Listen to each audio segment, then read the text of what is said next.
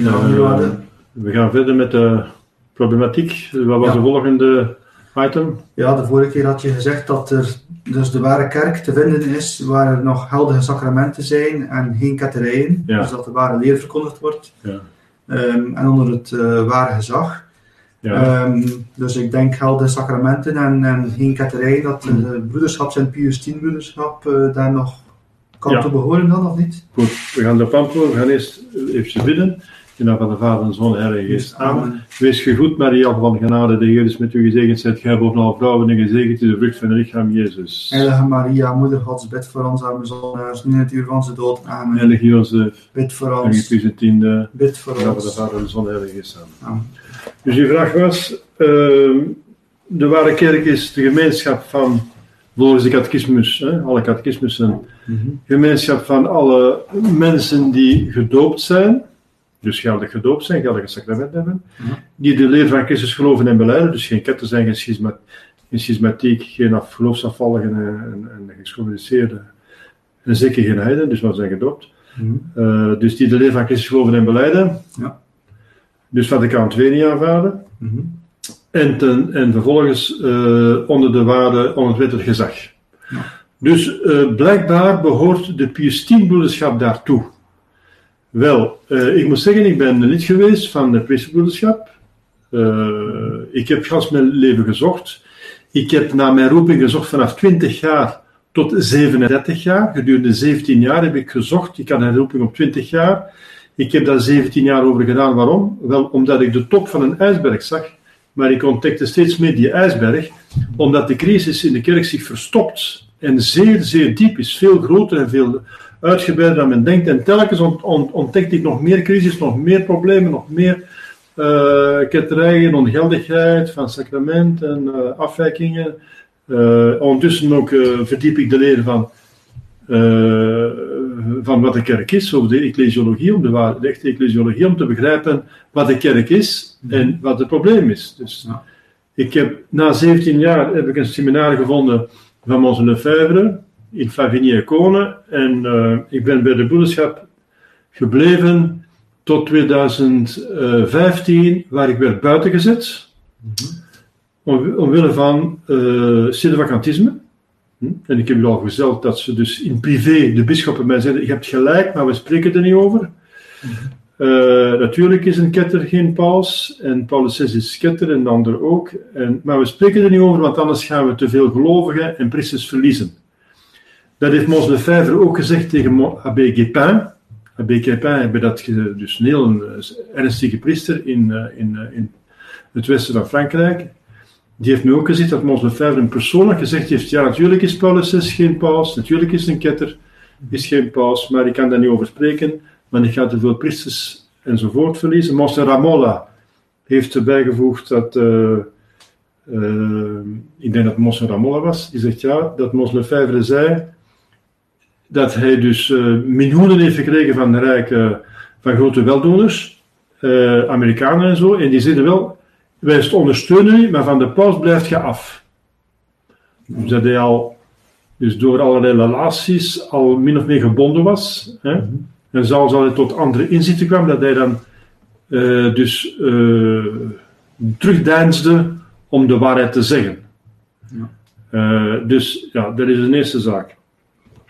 Dus ik heb door de broederschap behoord, ik ben buiten gezet voor dat en nog voor, eh, ook nog voor eh, kritiek van de overste, want ik heb eh, inderdaad doodzonden, publieke doodzonden die bedreven werden door priesters en door oversten, door, door lagere en hogere oversten. Dus een lagere overste is een prior, een hogere overste is een districtsoverste, werden bedreven, publiek. En ik heb die aangegeven in het hoofdkwartier, het hoofdzetel in Mensingen in Zwitserland, en ze hebben dan niet ingegrepen. En ik heb blijven aandringen, en dat heet ze dan kritiek op de overste. Ja. Je kunt niet akkoord gaan met doodzonde. Dus, dus, ik, ik zal het daarover hebben, bijvoorbeeld de website van AB Chanroux, eh, die eh godslastelijke zingen zegt. En dat weten ze in Mensingen en ze grijpen niet in. Dus ja, dat was het tweede probleem. En de tweede oorzaak waarvoor ik werd buiten gezet. Dus ik weet heel goed wat de broederschap is. Ik heb van 95 tot eh, 2015 Uh, dat is uh, 2015, dat is uh, 20 jaar zeker, hè? Uh, ja. 20 jaar. 20 jaar heb ik in de broederschap geweest en dan werd ik buiten gezet. Ja. 20 jaar, ja. En ik heb daar hoge posten bekleed. Na één jaar werd ik hogere overste van het, uh, het Autonoom Huis van Nederland.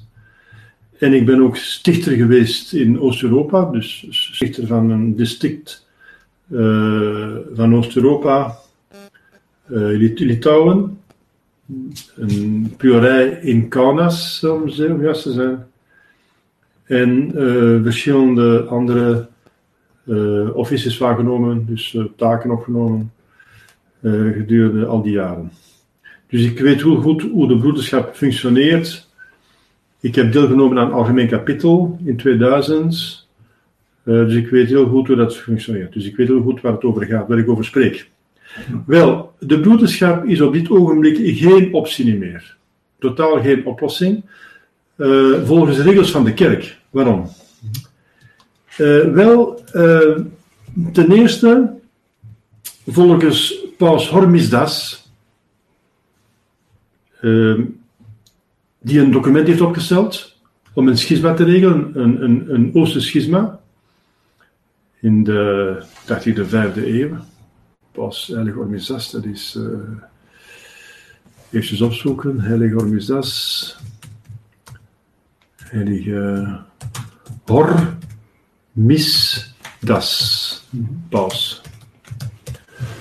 Wel, uh, Paus Midas heeft ge, uh, geleefd, inderdaad, dus, dus um, van de vijfde tot de zesde eeuw. Dus einde vijfde eeuw, begin zesde eeuw. Mm -hmm. Hij was de 52e paus van de Rooms-Katholieke Kerk. Um, en hij heeft verschillende schisma's opgelost. Uh, Wel, deze documenten die hij opgesteld heeft om zo'n schisma op te lossen. En uh, een van die uh, voorwaarden om een schisma op te lossen was dus inderdaad dat um, zij moeten dus de ketterij afzweren. En er, mag ook geen, er mogen ook geen vriendschappelijke betrekkingen zijn met, de, met, met, met ketters. Ja. Zij moeten de ketterij afsweren en er mag ook geen vriendschappelijk zijn met ketters. En daarom veroordeelt hij Akas. Akas ver, veroordeelt hij omdat hij, niet omdat hij ketter is, maar omdat hij vriendschappelijke relaties heeft gehouden met een ketterse patriarch die ondertussen overleden was. Ja. Maar omdat hij vriendschappelijke verhoudingen heeft dat gehad, zogezegd om zijn positie te, te, te, te handhaven, want de, de ketters hadden de steun van de Oosterse Romeinse keizer. Ja. En zo heeft die een, eh, die een prelaat, die een bischop Acasius, heeft dan uh, vriendschap getoond met de patriarch die gestuurd werd door de keizer om zelfs zijn positie niet verjaagd te worden. Mhm. Maar dat is veroordeeld door Paus Hormisdas. Ja. En dat document van veroordeling is door de ganse kerk aanvaard geweest, door de ganse geschiedenis tot in de moderne tijd. Bossuet zelf, hè, de grote Bossuet, in Frankrijk eh, zegt dat, uh, verklaart dat het dus een onfeilbaar document is. Omdat dus iedereen altijd en overal het aanvaardt als een voorbeeld hoe men een schisma moet oplossen. En, en, en door, de, door de ketterij te laten afzweren enzovoort enzovoort. Ja. En een van de richtlijnen is dus, men mag geen mensen aanvaarden die vriendschap hebben gehad en hebben met ketters. Dus het is veroordeeld door de kerk, door de, door de Heilige Geest, het is onfeilbaar, dat men geen vriendschappelijke relaties mag hebben met ketters. Dat is fundamenteel. Mhm. En dat is de grote hoofd, een van de grote hoofdzonden van Pius X. Broederschap. Um, men mag geen vriendschappen hebben met ketters, behalve en uitsluitend om ze te bekeren. Als men ze wil bekeren, natuurlijk moet men relaties hebben en men mag mhm. alle mogelijke vriendschappen en middelen aanwenden, die natuurlijk uh, maar heel zijn, om die mensen te bekeren. Dat wel. Mhm. Maar als het niet is om ze te bekeren, maar gewoon om, in dit geval van Acasius, om zijn positie te bewaren, is het veroordeeld. Men mag geen vriendschappelijke relaties hebben met ketters. Dat staat ook in de Heilige Schrift. Johannes schrijft in de Heilige Schrift, de Heilige Johannes, onder invloed van de Heilige Geest, dat men ehm, met ketters geen relaties mag hebben, ze niet mag groeten en niet met hen mag samen eten, om geen deel te hebben aan hun werken. Dus als dat de indruk wekt dat men een ketterij goedkeurt, mm -hmm. het met vriendschap heeft, dat, dan, dan heeft men deel aan hun werken. Mhm. Dus de Heilige Schrift zelf veroordeelt alle vriendschappelijke betrekkingen met ketters als het niet is om ze te bekeren. Ja. Nu, wat doet de broederschap? Tot en met Monseigneur Lefebvre. Lefebvre heeft altijd geprobeerd Rome te bekeren, maar vanaf Monseigneur Fellet, overste wordt, uh, ziet je daar een poging om uh, overeenkomsten met Rome zonder dat Rome bekeerd wordt. En dat werd eerst veroordeeld door een, een kapitel van uh, uh, 2000 werd het veroordeeld. In 2012 wordt het dan aan intern veroordeeld, maar uiteindelijk wordt het niet meer te sprake gebracht. En nadien ja, uh, wordt het feit aanvaard dat er dus uh, relaties zijn met Rome zonder dat Rome zich heeft moeten bekeren. Mm -hmm. Er zijn dus vier overeenkomsten met Rome. Rome dat nu apostaat is en ketter. En dus apostaat. Dus die, laatste historie met die Pachamama, de, die dat afgodsbeeld van Amazone, dat is duidelijk apostasie, dus geloofsafval. Mm -hmm. Wel, het is, niet, dus het is nog erger. Het zijn geen ketters, maar het is nog erger. Het verschil tussen een ketter en een apostaat is dat een ketter één of meer geloofswaarheden verwerpt, als het zijn de gedoopten. Mm -hmm. Maar een apostaat is een gedoopte die de ganse godsdienst verwerpt. Wel, een, een, een aanbidding van een, uh, een afgod, dat, is een impliciete verwerping van de ganse ware godsdienst. Wel, er zijn vier overeenkomsten van de priesterbroederschap, plus tien officiële overeenkomsten, duidelijke overeenkomsten met uh, geloofsafvallig Rome. Ten eerste, ze hebben van uh, Franciscus uh, in het 2016, het jaar van barmhartigheid, zo gezegd, het jaar van barmhartigheid, een juridictie gekregen om te bichten, de bicht af te nemen van iedereen, van iedere postconciliaire gelovige. Met juridictie van Franciscus. Mm -hmm. Ik heb daar een andere, in een andere gelegenheid over gesproken, dat die juridictie dus absoluut ongeldig is, ja. omdat een juridictie van een ketter ongeldig is. Maar het is een overeenkomst, die volgens Paus Hormizdas uh, dus volledig uh, uh, dus onaanvaardbaar is. Paus Hormizdas voegt erbij, voegt erbij dat degene die vriendschap heeft met ketters, hm, dat die hetzelfde lot ondergaat als de ketters. Mm -hmm. Dus dat is heel streng. Dus daarom wordt ook Akas dus veroordeeld. Um, dus, uh, dus dat is een eerste overeenkomst tussen de priesterbroederschap met ketters Rome. Hm? Tweede overeenkomst is dat ze ook jurisdictie krijgen om, van uh, Franciscus om alle huwelijken in te zegenen.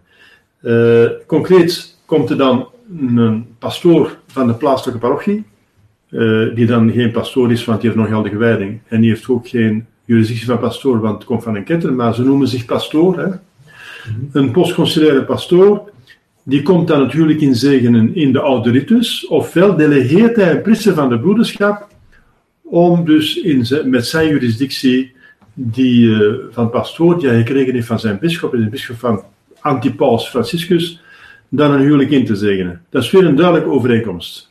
Dat Franciscus zegt, jullie hebben de macht, de jurisdictie, om geldige huwelijken in te zegenen als priester. Want volgens het concilie van Trente moet voor de geldigheid van het huwelijk een pastoor, een priester, de pastoor uh, aanwezig zijn. Behalve in noodgevallen, als het niet kan, ja, dan, dan, ja. dan is het niet nodig. Maar als het, als het kan, dan moet het. Dus een tweede overeenkomst. Een derde overeenkomst is dat Franciscus duidelijk gezegd heeft aan Mons Nefelet, dat hij uh, naar believen wijdingen mag toedienen aan zijn pissenkandidaten. Dus dat is weer een, derde duidelijke overeenkomst. Een vierde overeenkomst is dat voor gerechtszaken van zijn uh, leden van de broederschap, priesters of, of broeders of zusters die dus wandaden uh, criminaliteit, delicten hebben gepleegd, misdaden hebben gepleegd, en tegen het kerkelijk of zelfs tegen het burgerlijk recht, door Mons worden ge geoordeeld als rechter. En dat hij mag zetelen in de rechtbank in Rome. Met andere rechters. Dus Velay gaat, Mons gaat zetelen in Rome. Met andere rechters. En oordelen volgens het nieuw kerkelijk recht van Johannes Paul II. Dat totaal ongeldig is, want dat is gegeven door een antipaus. Gaat hij in Rome oordelen en uh, veroordelen en uh, rechtspraak uitoefenen over zijn eigen onderdanen. Uh, en nu is dat voor, ik weet niet hoe dat nu geregeld wordt, nu is er een nieuwe overste, maar die zet alles gewoon verder. Dus er zijn vier duidelijke overeenkomsten, vriendschappelijke overeenkomsten, en niet alleen vriendschap, maar onderwerping, overeenkomsten van onderwerping van de Pius aan apostaat, geloofsafvallig Rome, hetgeen dat totaal veroordeeld is door een onfeilbaar document van Paus van Misdas. Dus dat al maakt de ganse broederschap verwerpelijk. Want je mocht met, dus dat noemen ze dan semi-ketters. Dus een, een semi-ketter, die term, of een halve ketter, wordt gebruikt voor uh, men, dus gedoopten, die een gedeelte van een ketterij overnemen, zoals uh, semi-rationalisten, semi-pelagianisten, semi-modernisten. Dus je hebt ook, dus semi-ketters worden ook genoemd mensen die niet ketter zijn zelf, maar vriendschappelijke relaties hebben met ketters. Dus hmm. semi-ketterij is een term die kan gebruikt worden ook daarvoor. Wel, dus de broederschap is niet ketters wat dat betreft, maar wel semi-ketters en veroordeeld door de kerk, onfeilbaar. Dus dat maakt de ganse broederschap al uh, onmogelijk om daaraan deel te nemen. Een tweede zaak is dat ze uh, sinds de dood van Paulus VI, die ketter geworden is sinds 64, in 21 november 1964 kondigt hij in het Vaticaan II gedurende het concilie nog een eerste document af, Lumen Gentium, dat duidelijk ketters is, in tegenspraak met de, de leden van de kerk, van de traditie. Uh, dat zij, uh, hij heeft nooit uh, zijn ketterij herroepen en hij is gestorven officieel in 78. Ja. En nooit heeft Mons Lefebvre gezegd, ja, Paulus VI is ketters, heeft ketterij verkondigd, hij heeft zich nooit bekeerd, nooit niet, dus nooit niet uh, herroepen. En hij is zo gestorven, dus hij is geen paus. Hij heeft zijn pauschap verloren. Zoals de kerk dat leert. Heb ik u in een andere conferentie gegeven dat een paus zijn pauschap mhm. kan verliezen door vier voorwaarden. Als hij paus is en hij zit in ketterij, uh, uitwendig, dus niet alleen inwendig, maar uitwendig, en ook publiekelijk, dat door het feit zelf verliest hij zijn pauschap. Dat is gebeurd met Paulus VI. Mons Lefebvre, die dat wist, heeft dat bekend aan Abbé Guépin, heeft het bekend aan meneer François Kronen, heeft het bekend aan uh, Bis, bepaalde Bissig enzovoort, verschillende mensen die het kunnen getuigen. Uh, hij heeft dat nooit uh, herroepen. Het schijnt dat hij heeft dit willen herroepen op zijn sterfbed. Hij heeft een testament gemaakt dat nooit is gepubliceerd. Uh, de pater, dus eerwaarde heer, beter gezegd pastoor van Riede Epinay, pastoor Epinay van Riede in, Frank in, in, in Zwitserland, excuseer, in, in Wallis. Dus pastoor Epinay, die heeft gezegd in de tijd dat Mons Lefebvre hem heeft opgebeld wanneer hij op zijn uh, ziekenbed lag. Kom mij halen, want ze willen mij vermoorden. Ze willen mij vermoorden. Uh, die pastoor Epinet die leeft nog altijd, dat is een hele serieuze mens. Hij is daar gekomen de volgende dag met twee zware jongens van zijn parochie. Want parochie Varides was juist naast het, het seminarie van Econe waar Mons Lefebvre was. Mm -hmm. En lag daar in het ziekenhuis daar in Zwitserland. En Mons de Lefebvre zei dan, nee, laat maar, het is te laat, laat me maar sterven. Dus volgens hem hebben ze hem vermoord. Waarom? Ik weet het niet. In ieder geval, uh, uh, dus dezelfde getuigen zeggen dat hij een testament had opgesteld waarin hij de sedevacantiste positie dan toch uitdrukt voordat hij wil sterven. Maar het testament is nooit uitgekomen. Goed, in ieder geval, Mons Lefebvre heeft nooit duidelijk gezegd dat een um, paus die wordt zijn ketterij verliest. Dus de broederschap is blijven een ketter als paus erkennen. Mhm. Hetgeen dat ook volledig tegen de leer ingaat van de kerk. Dus wij hebben een leer in de kerk, die je kunt vinden in mijn andere conferenties en mijn documenten op mijn eh, website. Dat ik in de kerk een leer is die altijd overal door iedereen is aanvaard geweest. Namelijk dat een paus zijn pauschap, als hij, ik zeg het juist, hè, als hij een ketterij openlijk en, en publiekelijk vertelt, eh, verkondigt, dat hij dan zijn pauschap verliest. Ja. Dat is, dat is gewoon onfeilbaar, omdat er altijd overal door iedereen werd aanvaard in de kerk. En de kerk kan zich niet vergissen op grond van de belofte van Jezus, dat de poorten der hel al niet zullen overweldigen. Dus dat is absoluut zeker. Wel, Mons Lefebvre wist dat en heeft het niet willen verkondigen. En dat betekent dat in de praktijk zij eh, dus eh, die ketterse pausen, Paulus VI, Johannes Paul I, Johannes Paul II, Benedictus en Franciscus, hebben aanvaard als paus. En dat wordt zelfs in de mis uitgedrukt. In de mis wordt er gezegd, oremus, eh, eh, enzovoort, er wordt gebeden voor de, voor de kerk, eh, pro ecclesia, in het hè, eh, wordt er voor de kerk gebeden. En eh, una cum papa nostro. En ook voor de paus, eh, Franciscus moeten ze nu zeggen. Maar una cum, dat wil zeggen één met ofwel en ook voor, maar in beide gevallen is het verkeerd, want zelfs als je zegt ik bid ook voor de paus, je noemt hem paus iemand die geen paus is. Dus de, de priesters van de broederschap moeten liggen in de mis. Die moeten zeggen papa, oremus, hè, dus eh, una cum papa nostro Francisco. Ze noemen Franciscus paus, terwijl hij geen paus is, maar antipaus. En zelfs geloofsafvallige. Mhm. En er zijn sommige priesters die dat in de broederschap daar niet zeggen, hè, die dat overslaan, maar die, zeggen, die moeten het zeggen dan in het lof. In het lof wordt ook gebeden voor eh, de, de paus in Rome, hè, una eh, oremus pro pontifice nostro. Ze moeten dan liegen voor het heilig sacrament. En, en bij iedere priesterwijding, en zelfs bij de andere hogere wijdingen, zoals de wijding tot subdiaconaat, diaconaat en priesterwijding, in de broederschap, moet iedere priesterkandidaat, of eh, kandidaat voor de andere hogere wijdingen, de daags ervoor, voor het opengesteld tabernakel, voor de heilige hostie, voor Jezus, God, duidelijk verklaren dat ze die, eh, die mannen in Rome als paus aanvaarden. En nu moeten ze dus aanvaarden, verklaren dat ze Franciscus als paus aanvaarden. Dat wordt vereist van de priesterkandidaten voordat ze gewijd worden. En Monseigneur de Malaret, toen ik dus dat gevonden had, eh, dat een paus zijn pauschap verliest voor ketterij, ik heb met Monseigneur de Malaret gesproken en hij zei, je hebt gelijk, maar wij spreken daar niet over. Want anders gaan we te veel mensen verliezen. Wel, Monseigneur de Malaret, die goed weet dat Franciscus geen paus is, die gaat dan bij zo'n wijding, eh, eh, want de volgende dag moet hij dan wijden, of die andere bisschoppen, die weten het ook, want Monseigneur Fellet heeft mij hetzelfde gezegd. Ja, inderdaad, een paus verliest zijn pauschap door een ketterij, maar eh, Franciscus en Benedictus zijn geen ketters, zei Monseigneur Fellet. Ja. Monseigneur Tissier erkende wel dat ze ketters waren, Monseigneur Fellet niet.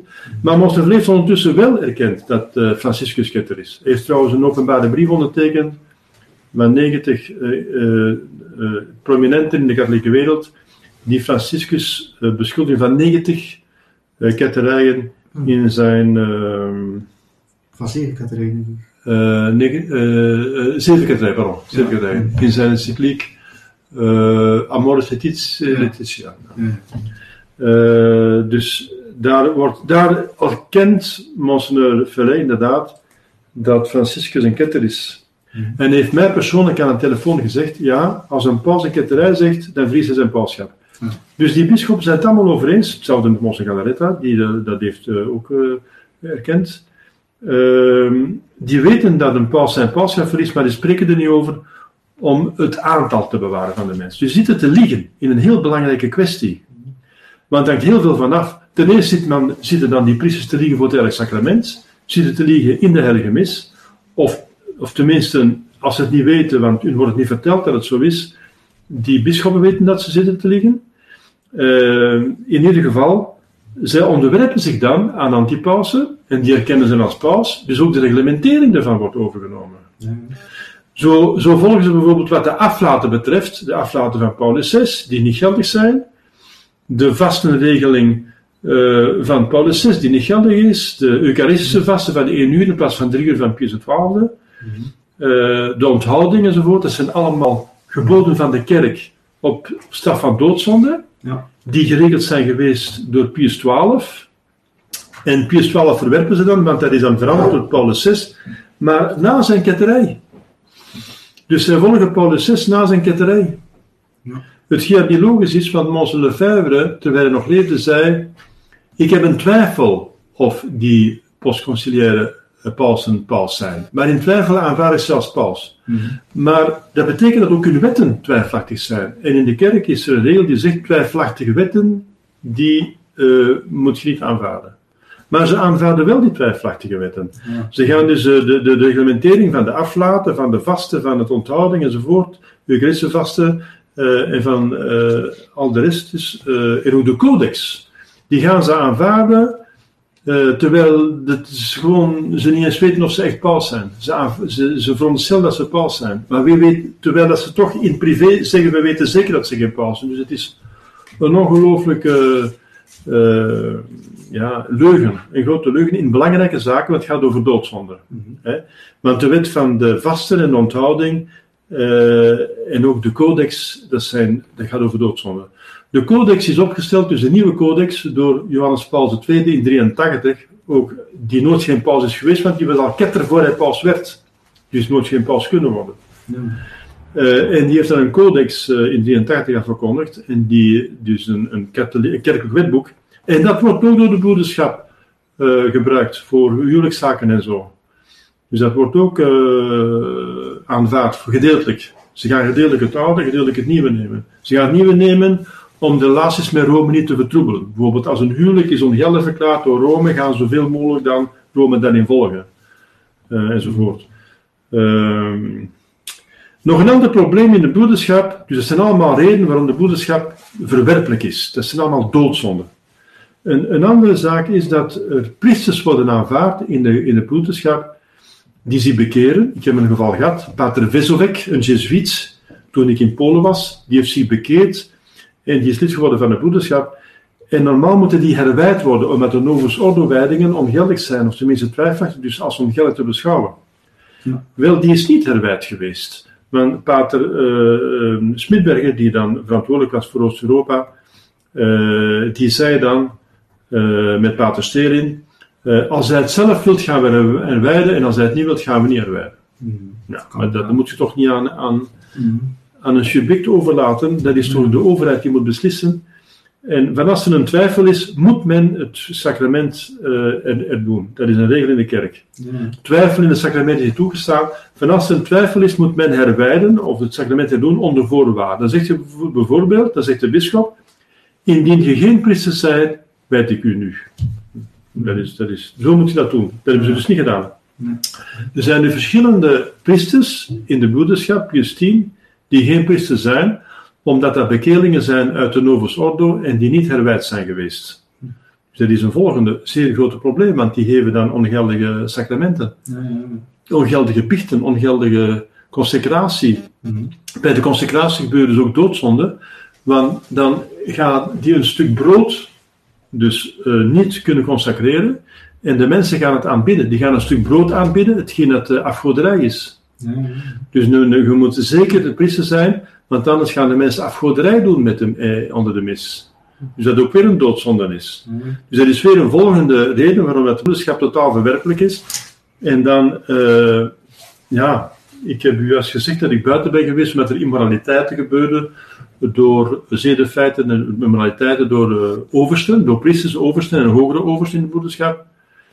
Uh, bijvoorbeeld, er is een website van Abbé Chanroux, uh, waarin hij uh, een jonge priester die uit Deconen kwam en die dan in Brussel meteen werd aangesteld tot verantwoordelijk voor de school, voor de jeugdbeweging in Brussel, de jeugdbeweging in Namen en de school in Namen en, en voor de jonge koppels. En die dan ehm, iemand liet komen en die, eh, die, heeft, die heeft het online gezet. Dat is zijn site voor de jonge koppels. Waarin hij de afschuwelijke dingen zegt. Uh, eigenlijk Ja, ik kan het u zeggen, maar het steekt mij tegen om het te zeggen.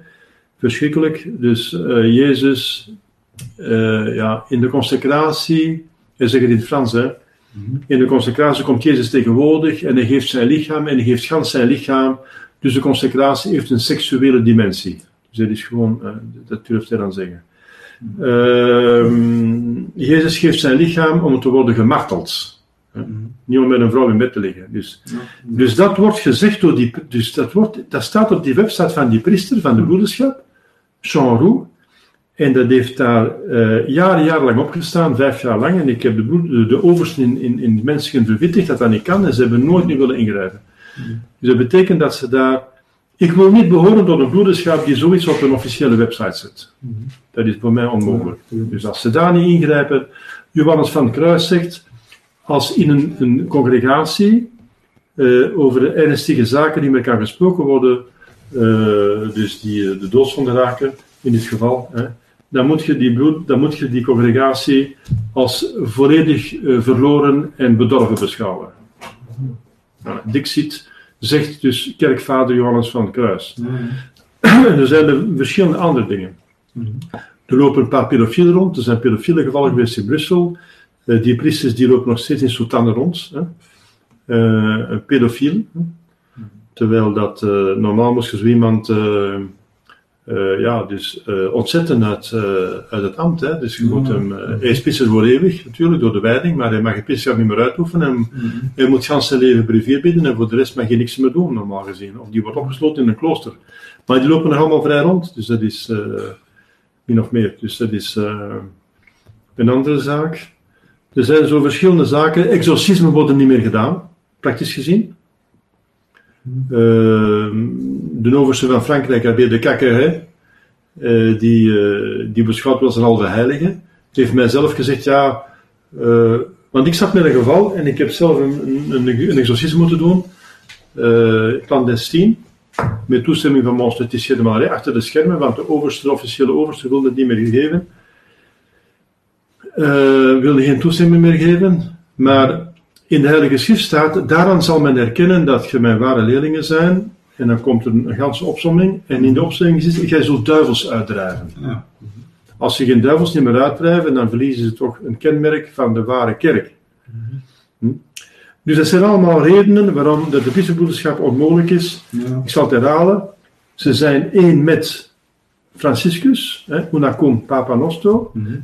uh, ze noemen hem Papa, paus, terwijl hij geen paus is, dus zit te liegen in de, in de mis en in, in, in liturgie. Ze hebben vier overeenkomsten met ketters in Rome, hetgeen dat veroordeeld is door de kerk. En ze hebben dus ongeldige priswijdingen en ze hebben een ongeldige, ze aanvaarden gedeeltelijk de ongeldige reglementen, dus uh, codex van 83. En er zijn immoraliteiten, zware immoraliteiten, waar ze niet meer voor ingrijpen. Dus dat alles maakt de broederschap onmogelijk. onmogelijk. Uh, dus ik heb de vorige keer gesproken over ook de ongeldigheid van de biechten. Het probleem van de biechten. Ja, ja. Mhm. Vermits dat ze dus die uh, jurisdictie hebben van een ketter. -hmm. En ze, ze verwerpen duidelijk de jurisdictie uh, van suppletie, van, aan, van aanvulling, die geldig is in tijden van nood. Die verwerpen ze. En dus dat staat duidelijk in de, in de, in de, de webstack van het broederschap in, in Brussel, van België dus, van Benelux en, en van Amerika en verschillende andere. Dus het is mensen in het oog die dat aanvaardt voor de ganse broederschap. Dus dat zij dus, uh, dus de, de absolutie geven in de bicht en huwelijken inzegenen met jurisdictie van een ketter. Dat totaal ongeldig is. Dus de jurisdictie van een ketter is ongeldig. Mm -hmm. Dus dat alles maakt de priesterbroederschap totaal dus onaanvaardbaar om daar nog uh, dus mm. naartoe te gaan. Mm. Zo, hebt u nog vragen? Ja, uh, het is wel opmerkelijk dat uh, de broederschap van Monseigneur Lefebvre nooit hebben gezegd dat er geen pauze is. Um, nogthans, Monseigneur Lefebvre heeft er iets over geschreven in 1976, toen, dat, toen dat hij conflict had met, met het Vaticaan. Mm. Hij had dan geschreven dat um, zelfs een paus die Vaticaan II-kerk aanhangt, automatisch uh, schismatiek en, uh, en ketter is. Maar hij heeft niet expliciet gezegd dat dat daarom Paulus 6 is. Hij heeft niet gezegd dat, dat er daarom geen pauze is. Ja. heeft het een beetje verbloemd zo hier en daar wel gezegd. Eh, een paar uitspraken zijn wel af te leiden in die zin, maar ja. nooit uitdrukkelijk inderdaad. Ja. In privé zegt hij tegen de mensen, ja, ja, ja, natuurlijk. Tegen meneer Kronen heeft hij gezegd, ja, ja, je hebt gelijk, natuurlijk is dat geen paus, dus je hebt gelijk, maar ik in publiek ga dat niet zeggen. Mhm. Ja, inderdaad. Ja, en Dus- en hij heeft ook dingen inderdaad in die richting gezegd. Mhm. Hè, hij zegt, eh, in Rome zijn ze niet meer katholiek. Ja, Ja, als ze niet meer katholiek zijn, hoe Ja. kan dan degene die in Rome zetel dus nog hoofd zijn van de kerk als hij niet katholiek is? ja, zeker. Dus je kunt eigenlijk al concluderen uit uitspraken van Mons Lefebvre wat hij dacht, Ja, maar niet durfde, niet durft zeggen. Ik durf niet, ja, zo. Of nooit heeft gezegd. Mhm. Hij heeft Ja. ook eens gezegd, ehm, als ehm, de geest van Assisi dus met in eh, 86 eh, voortgaat, dan ga ik toch moeten verklaren dat er geen pauze is. Eh, Ja, ja, En het is doorgegaan uiteindelijk. hè. Eh, Benedictus Ja. 16 heeft het zelfs herhaald en zo. En Ja. Franciscus nu ook. Ja, na die, eh, die geloofsafvallige bijeenkomst in Assise heeft hij gezegd, zijn, zijn er nog, kan er nog een paus zijn die? Ja, ja. En als, Inderdaad. en als het doorgaat, zal ik hem moeten geen pauze noemen, zei hij. Ja, ja, ja, ja. Zo, ik denk dat we rond zijn. Ja. Dus de Ja. priesterbroederschap Pius 10 is nu op dit ogenblik totaal geen optie meer. Mhm. In het begin wel, toen Paulus VI nog in het begin ketterij verkondigde, eh, heeft Mons Lefebvre gereageerd en kon je nog wachten op een reactie, op een bekering, een terugtrekking. Mhm. Maar hoe meer de tijd vordert, hoe meer ze totaal zijn afgeweken. En, de heilige voorzienigheid heeft dan ook andere bisschoppen opgewekt. Onder andere Monseigneur Tuc, Ja. om de katholieke kerk verder te zetten. Ja. Monseigneur Tuc werd bekeerd, want die was onder het concilie, een ketter. Mhm. Die was zelfs vrouw tot priester, maar die is 180 graden bekeerd. Mhm. En die is dan, eh, dat was een aartsbisschop van eh UW in eh, Vietnam. De broer van de president, dus van adellijke afkomst, een, een hoge prelaat. En die heeft dan bisschoppen gaan wijden, omdat hij zegt in Rome zijn het eh, protestanten, zijn ketters, dus, dus is- die paus is geen, dat is geen paus. Dus ik ga de kerk verder zetten en ik ga bisschoppen moeten wijden. En heeft dat dan ook gedaan. Ja. Dus de voorzienigheid heeft een andere bisschop opgewekt toen Mons Lefebvre en zijn opvolgers hun werk niet meer deden. Ja, ja. Niet meer de waarheid zeiden, onder andere over dat het feit dat de ketterse paus zijn pauschap verliest Ja. Door het feit van de ketterij. Ja. Ja? Oké. Dus Pietse Broederschap Pius is spijtig genoeg eh, geen optie meer. Ja. Oké. Dus bidden we voor, eh, hè, dus voor de, een bekering en zo. Het is nog wel een visvijver. Ik probeer nog mensen te redden eruit Mhm. die er nog in, in, met goede bedoeling in zitten. Ja. Eh, Ik zou niemand veroordelen, hè. Mhm. ik oordeel niemand, maar ik spreek, spreek objectief over de situatie van de Christenbroederschap. Ja, ja. Ook een boeddhist, een boeddhist kan nog goed zitten in die zin dat hij de doopsel wat begeten heeft. Hè. Maar dat betekent niet dat het boeddhisme goed is. Hè. Nee, zeker niet. Dat er sommige mensen in de broederschap er goed mee en dat kan zijn, maar dat betekent niet dat de broederschap goed is. Ja? Oké. Zo, goedenavond.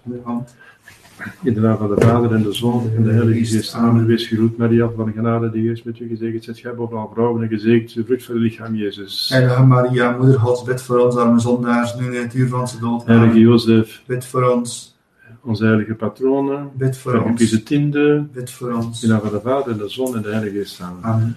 Zo